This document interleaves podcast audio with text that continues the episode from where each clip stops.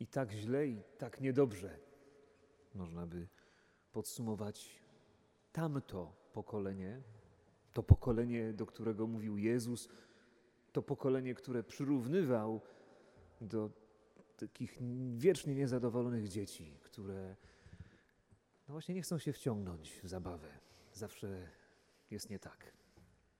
Różnie można to czytać. Jezus sam podpowiada, daje taki klucz, mówi do tych, którzy stoją przed nim, te prawie dwa tysiące lat temu.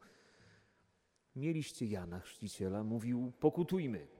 Mieliście Jana, który mówił umartwiajmy się, bądźmy surowymi, ascetycznymi typami. No to wam się nie podobało. Przychodzę ja, mówi Jezus. Przynoszę wam wolność królestwa. Taką wolność, w której bardzo dużo rzeczy się mieści, w której jest taka głęboka radość, bo już wiemy, że jesteśmy odkupieni, że żyjemy w Bogu. Wolność, która prowadzi nas do pełni życia.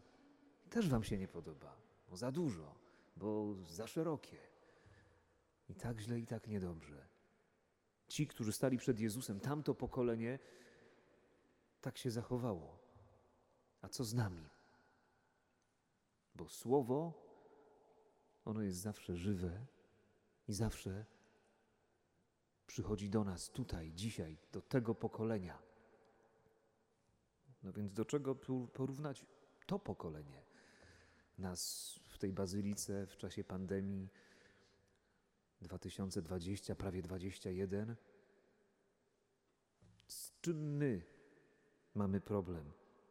Czy nie jesteśmy jak takie dzieci, które też nie mogą się znaleźć, ustatkować, powiedzieć sobie: Dobra, tu jest nasze miejsce, nasza tożsamość.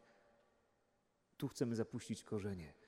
Może jeszcze bardziej żyjemy w takim niepokoju i lęku przed zaufaniem czemuś, jakiejś narracji o tym, kim jesteśmy, jak możemy żyć. I co dostajemy? Dostajemy dzisiaj niezwykłe obrazy w tej liturgii. Bardzo stare i bardzo nowe obrazy. Izajasz i Psalm podsuwają nam obraz rzeki, pokoju, drzewa, sprawiedliwości, a przede wszystkim obrazy drogi. Drogi, którą możemy iść. Drzewo, które wrasta, które czerpie życie.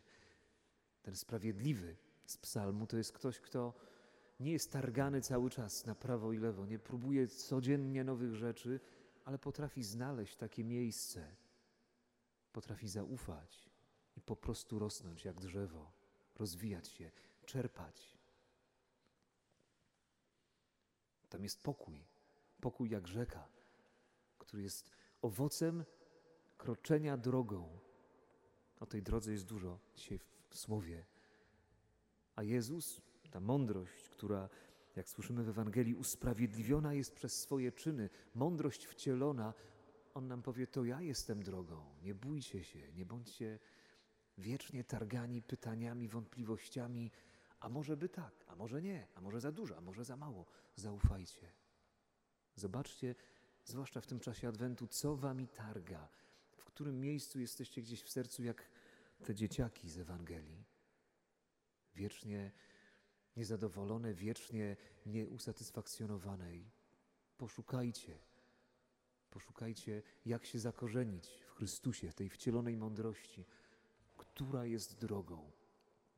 I kroczcie tą drogą, wtedy wasz pokój, dar pokoju będzie prawdziwie jak rzeka.